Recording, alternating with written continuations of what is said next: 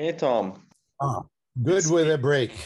Yeah, it's, it's me, Simas. But if you want to have a chat uh, earlier, we can start earlier. That's fine. We can have. Yeah, start now. But, but of course, I have to ask you about your funny little middle name. I guess your parents did not give it to you. yeah, yeah, and uh, yeah, that's uh, on the Agile Couch in our you know uh, local language, and the initiative that we are running uh, here uh, with uh, two other colleagues, we are recording podcasts, but actually in our local language because we figured there's no information anyways about agile in our local language and we wanted other people to get inspired a bit. Yeah. but then we thought why not to use that opportunity to talk with great people and invite them to sit on our agile couch uh, such as you know agile uncles and others.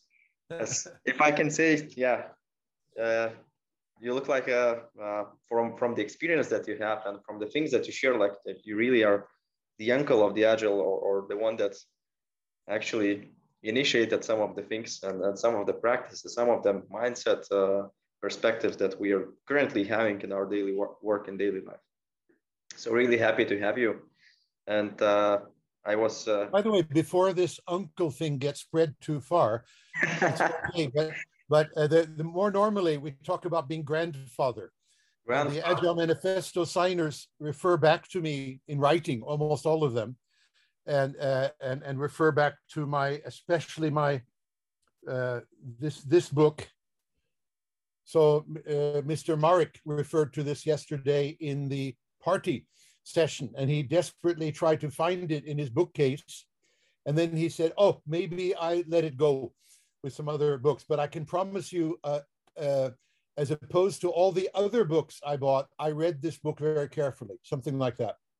So that's an example of an Agile Manifesto signer that we know who uh, exactly you know, we're inspired by you. Really, really did read this stuff. And so, but a grandfather, I'm a real grandfather. I have five grandchildren.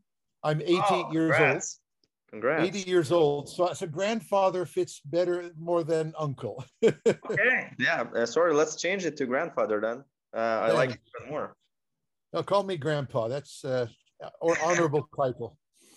Uh, Tom, uh, I did listen to your speech uh, and I really did enjoy it.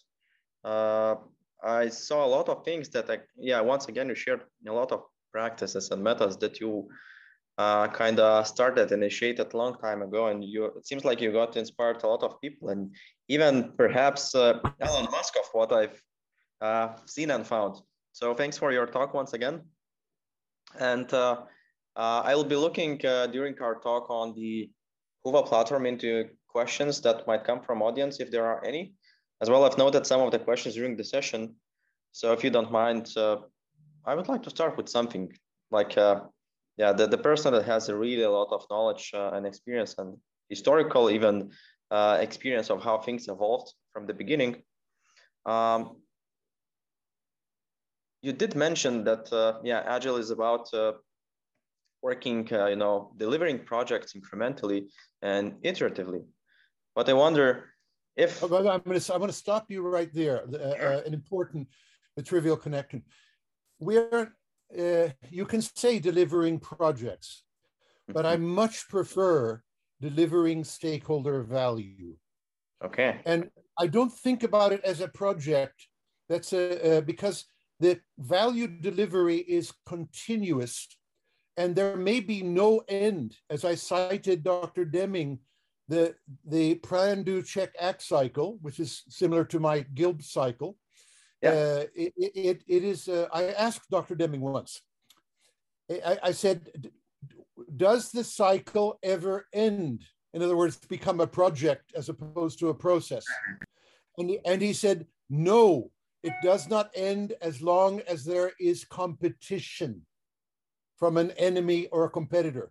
And that's a very interesting understanding of Agile, uh, that if, if, if it's not a matter of we deliver some software and run away. Okay. It is, we are of an organization or uh, building a product or internal use. And uh, the, the continuous updating of the stakeholders and their requirements and the technological possibilities is always going on. And the compet by the way, Musk and Tesla is so, uh, and is so clear about this. There's a saying that I captured yesterday um, via Joe Justice that Musk says, if it's physically possible, somebody has probably done it. And if we don't do it, we will be outrun by the competition. Same idea. Okay. So the, we, we got to get, uh, I would view agile as um, potentially, you can stop it arbitrarily, of course, no more budget for you, goodbye. But a, a potentially eternal process of survival. Like the, the, my body is the project, it dies. The human race is a process, hopefully continuously, like Musk, working for human survival on the planet and on Mars. Okay, is okay. So, so, sorry, I stopped you, but I, I need to stop the word. That hmm. word project is a little bit dangerous. It has this, and we end the project on the deadline idea. And I think uh, when you stopped me, you did answer the question because it was uh, a bit related to that. So thanks for doing that. I was about talking about continuous delivery on, on the products, uh, or as you mentioned, on the stakeholders' value. But uh, that's exactly what you mentioned, and th thanks for doing that. Um, additionally, uh, you mentioned some of the practices, Tom, uh, and some of the methods you, you discuss and you know describe in, in some of your books. I wonder regarding priority. You did mention about how to do the prioritization, how to do it properly, that it requires to estimate, it requires to see how much it costs. And uh, well, yeah, by myself, I'm looking into practical example. Uh, practical example looks like uh, uh, organization is working on something as top priority thing, the most important, and suddenly, suddenly, not expected, not planned, things change because uh, yeah, there is a fire. We need firefighters to immediately stop whatever they were doing and go there and actually do something else. While still that most important thing is hanging, but it seems like it's not that important anymore. Uh, I wonder, yeah, such an experienced person and uh, having a lot of knowledge, what would you say about these situations? And uh, if so what would there... I say about you said a word I didn't hear. What would I say about priority? Uh, you mentioned the priority in your presentation. Uh, yeah, very important subject, but I didn't hear the word. What would you say about, and then I didn't hear your word. Yeah, um, I wonder what would you say about uh, these situations and uh, maybe there is a recipe how to oh okay. avoid them or get into you know uh, simpler less difficult uh, decision making okay. So mm-hmm. first a reference to more detailed literature the uh, sim plan book i showed a slide a free copy and you will notice there is a chapter on prioritization there a set of techniques and there are references to free downloads about my prioritization ideas. So the detail, how to do it in detail, and uh, is is uh, in the Simplan book. It's also in several other of my books. If anybody says I didn't get that, Tom, email me. I'll uh, priority stuff. I'll send it to you. Okay. But now, what I've learned is that most people have a static uh, and informal idea of priorities boss, what is your first priority? We're going to do it. Customer, what is your first priority? We're going to do it. Okay. Now, uh, I, I, I believe, and and uh, if you look at things like balanced scorecard, talk to all the managers, they have a fixed weight for priority. That is also a very stupid idea. Okay. Same in quality function deployment, fixed weight. Now, what I believe in is let's put a name on it dynamic prioritization. In other words, the fire happens and you got that's your priority. Okay, conditions change, requirements change. So I, I, I believe that we have must have a culture of dynamic prioritization, not advanced prioritization. And I believe that the priority, as I showed in the examples with the impact estimation tables, needs to be computed. Mm-hmm. This is automation of the Musk kind, by the way. very much so. And it, it, means that every sprint we can recompute the priority because in the meantime, new stakeholders have emerged with new needs. The fire has happened, COVID has happened. Uh, uh, this is why we have to have a digital system and not yellow stickies anymore. We have to be able to input the changes into uh, the system, the automation, recompute the priority at each sprint. Now, by the way, if you're Elon Musk, you have 27 sprints per week to change the car.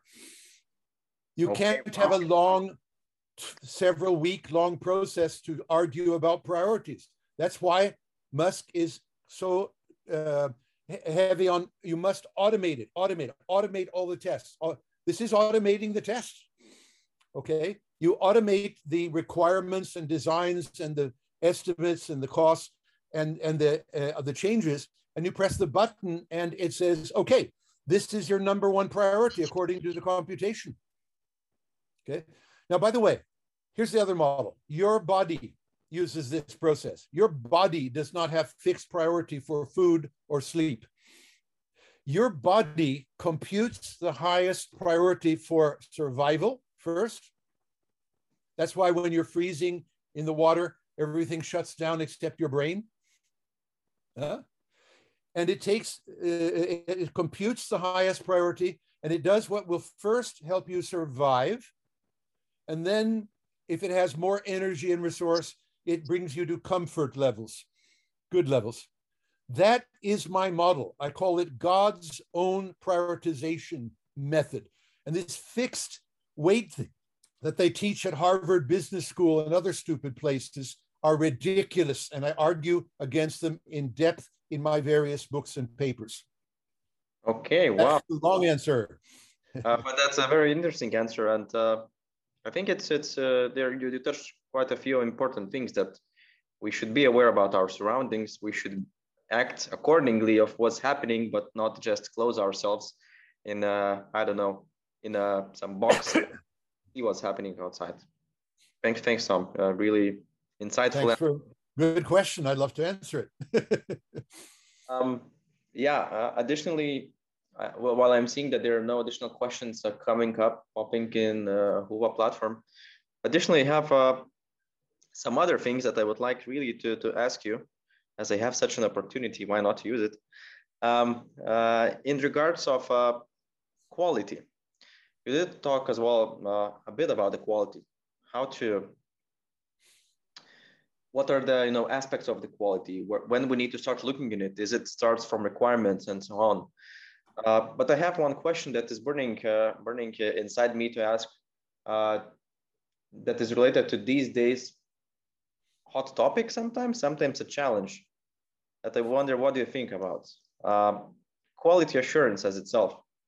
These days are treated as two things. One thing, this is as a skill that let's say teams must have, but actually some people treat it that this is as a role that as well must to be in a team. How you see it, and uh, what would you recommend uh, people in okay. quality in these days? Okay. Um, uh, number one, uh, so we, the, the topic is quality assurance, correct? Yes. Okay. Now, first, it is a set of processes. That is, it's different processes at different places at different times. It is not a person. You can appoint a person to do certain parts of it and call them the quality assurance tester or the quality assurance reviewer. Okay. But it's not about people, it's about process. And uh, the, the, the rules, by the way, uh, the rules of the game, as Musk understands very well and very many others, quality assurance must start upstream early. That means with stakeholders and requirements and then design. The wrong way to do quality assurance is to have test after delivery. Okay? It's too, it, it, it works, but it is ineffective. It doesn't find all the defects and it is costly to repair them. Okay, so the stupidest thing we do is to have this uh, testing after the fact. Now, it helps if we have automated testing, a lot, but still, with all, if you had perfect automated testing, you are not preventing the defects from getting downstream. Now, that example I showed in my slides with Intel, Mr. Terzakis, what are they doing? They have identified what everybody knows, you can read it anywhere, that the primary cause of bugs and bad systems and failures is bad requirements. Okay. Now, uh, and Musk makes this his first principle get rid of the ugly requirements. okay. Musk understands this. So the first, so the first principle is as upstream as possible, attack the problem. Now, there are two ways to attack a quality assurance problem. One is to detect that defects are there and fix them. That's what Intel is doing. They're attacking the defects in the requirements and uh, getting them fixed. But everybody knows there's a saying in English an ounce of prevention is worth a pound of cure. A stitch in time saves nine. Benjamin Franklin. Okay. Now, everybody knows that prevention is more cost effective than cure. In other words, preventing the defect from occurring in the first place is very much smarter than letting it happen thousand times a day and then fixing it. That's really stupid. Okay. So uh, let me refer you to something. You'll find it in my books, uh, like my software inspection book. There's a process developed by IBM called Defect Prevention Process, DPP. And you will find it in the SimPlan book with, with uh, references, for example. What did they do? They organized 3,000 people at the Minnesota labs at IBM to analyze ongoing defects like bugs in their code, bugs found in test. And then they said, You guys who created the bug, tell us what is the root cause. Was it that you were not trained properly? Was it that you were not given time? And then change the organization first in your little group and see if it works and see if this prevents the bugs. And if it does, we'll spread it to the entire 3,000 person organization. In one, uh, about two years, they spread 2,167 changes to the organization designed by their troops by the foot soldiers in the trenches with the mud. And they vastly improved the quality of the organization. Now, that is preventing the defects from happening by delegating power to the guys who know and the guys who do, not to outside consultancies, not to the directors. The director's smart choice is to empower the troops. Now, that is published by IBM you'll find uh, I've used it with remarkable uh, results at Boeing aircraft. I can give a detailed study, but I won't do it right now. You'll find it in my works. Wow. Okay. But uh, pre, pre, so so the word is one. You must go upstream and do the work, and after coding is too late generally, right? Uh, and by the way, with test-driven development, it's almost after coding. It's just before you haven't tackled the design and you haven't tackled the requirements and you haven't tackled the stakeholder analysis. So, uh, so I, I, in other words, test-driven development is better than test afterwards, but it's nowhere. It's at the wrong stage. It's too late. It's too costly, but it's better than nothing. Okay. So, okay. So upstream, we need to attack, and we need to attack by preventing the defects from happening not by detecting the defects happening. The moment you detect it, it's too late. It has not been prevented. Okay, so okay, but uh, the, more to say about it, but there, there's stuff in writing, and if you can't find it, ask me. But uh, look at the SimPlan book. Could you share one, please, a practical example of uh, preventing? Uh, I'm actually curious of what. Oh yeah, then then I will give the short story at Boeing. sure. Okay. So I was going to, uh, this is back around 1989, uh, 88. I'm at uh, uh, what is now Boeing, but was then uh, McDonnell Douglas Aircraft in El Segundo. And we had been using my methods to detect errors in the engineering drawings and very successful, long story short. And there's case studies of this written up. But then the management turned to me and said, Tom, you have some great methods and they work right away with our 3,000 engineers. Have you got any more methods? And I said, well, I just read about something IBM invented called defect prevention process, the one I just talked about. But I've never done it. They said, well, do it, see what happens. So I got a team of five uh, young, smart engineers. And uh, the problem was the, um, that engineers, when doing engineering drawings, you know, for wings and fuselage, they are human beings just like programmers, and they made errors. They would put the wrong part number, the wrong size on the drawings, just, you know, human error. And so they knew that, that they were getting, uh, actually, uh, the problems were like uh, there were too many new engineers that expanded with too little training and experience and too little older people to guide them. That was the big problem. So we sat down and said, how we're going to do this. And they first they said, well, we're going to build a gigantic IT system to automatically analyze everything and fix it. And I said, how long will that take? Well, they said five or 10 years. How much money will that take? $10 million. Okay, forget it. That is um, uh, uh, crazy uh, stuff and it's not going to happen. And we have to solve this problem within six months or we die. We go out of business. And we knew that. So I said, think simple.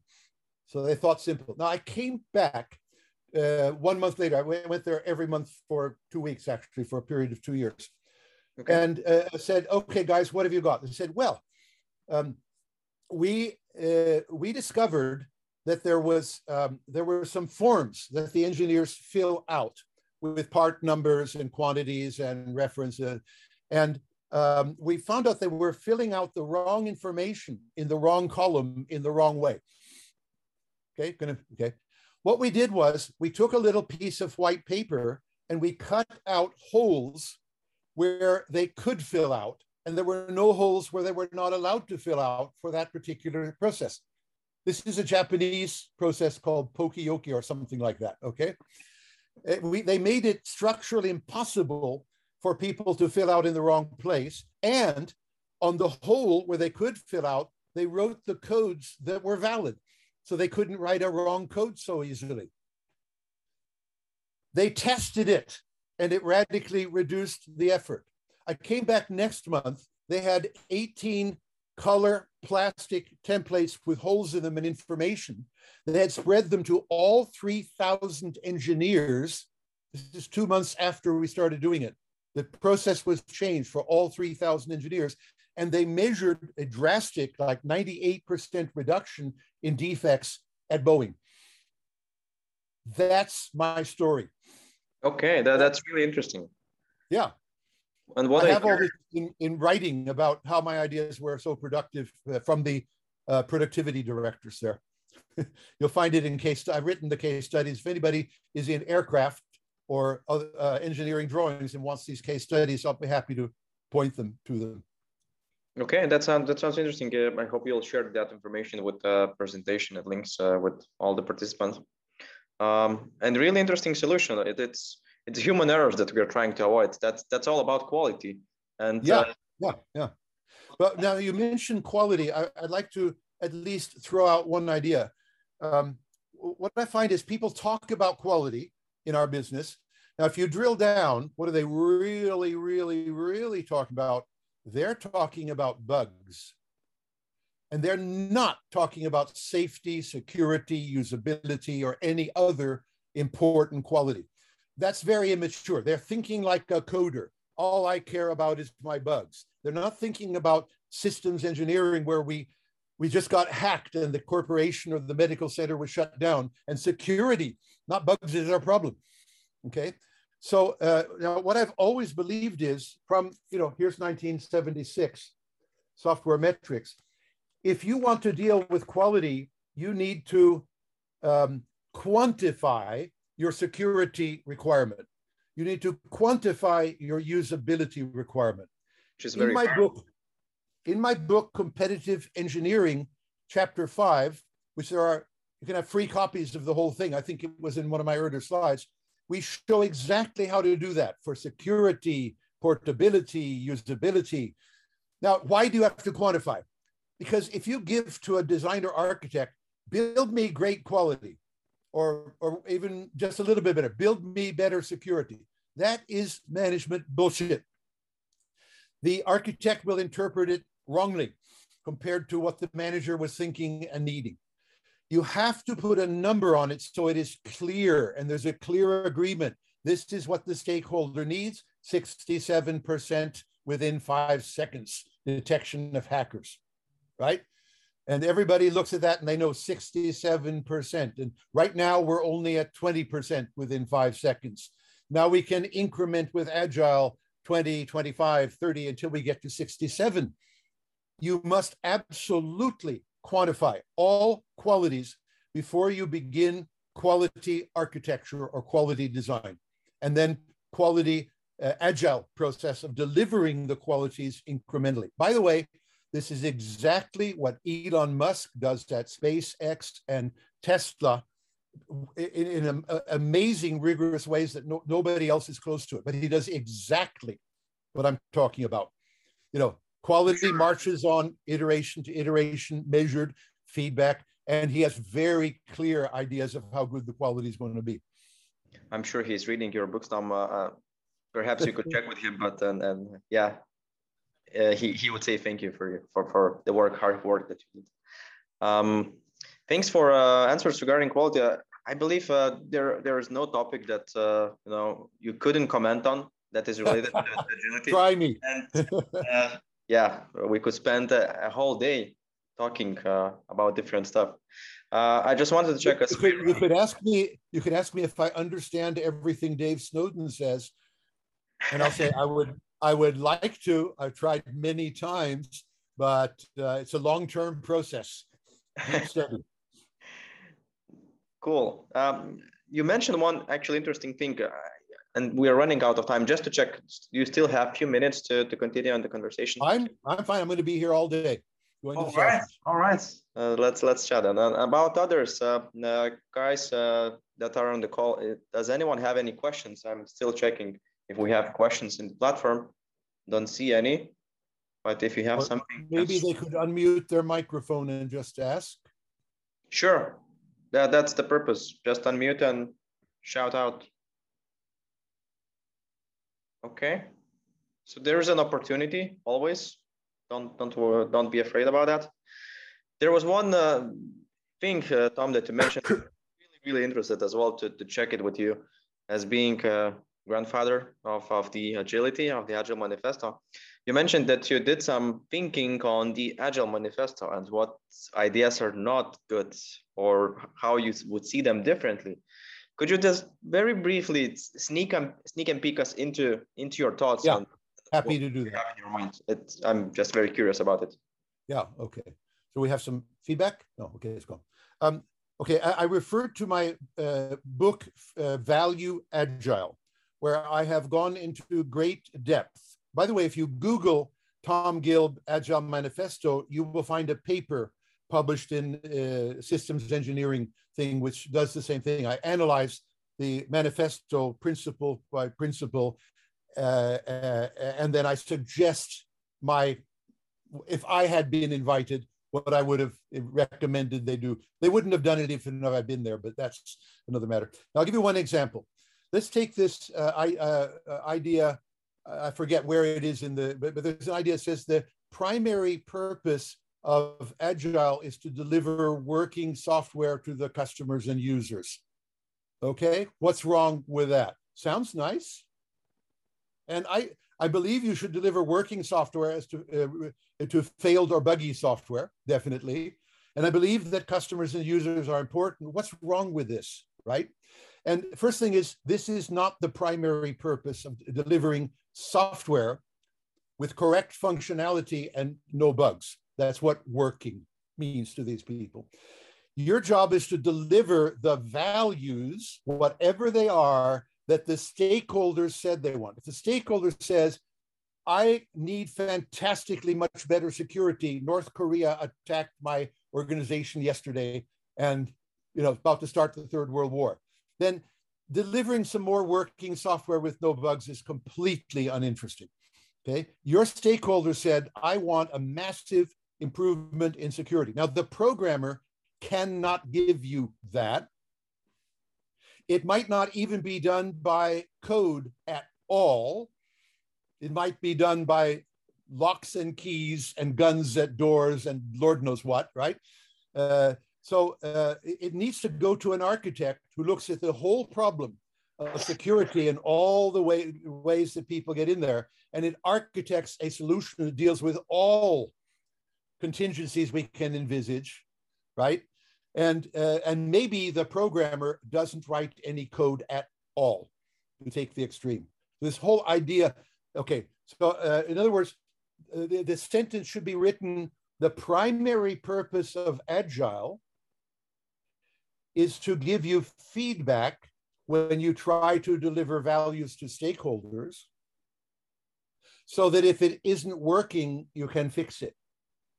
It's exactly what Elon Musk does on a very large scale, 27 times a week for, as Joe Justice points out, for this Tesla. Exactly. Okay. So that's so, the primary purpose of agile. In other words, agile means to react to bad situation or even a especially good one and do something about it. Okay, it's not delivering code without bugs to customers. By the way, the most important uh, stakeholder might be North Korea, Russia, or China, the antagonist. Okay. We need to deliver security to them so that they can't get in. Uh, that's uh, really you know, logical thoughts what you're saying, but uh, no one really thought about this probably, and uh, that's what. I'm trying to get you guys to think about it. Exactly, people need to start thinking about uh, things. Uh, Tom, thank you very much for your time. I know that in two minutes another session will start, and people will need to go. It was really pleasure to have you in this uh, conference uh, on the virtual couch. Uh, sadly, you're not with us. Uh, we were prepared to, to have you on the couch. Hopefully next time you'll be able to visit Vilnius and uh, have a chat with us. And uh, once again, you're a great person, grandfather of the Agile. Happy to have you here on the couch and have a wonderful day. Okay, thank you very much, Ant. Bye-bye.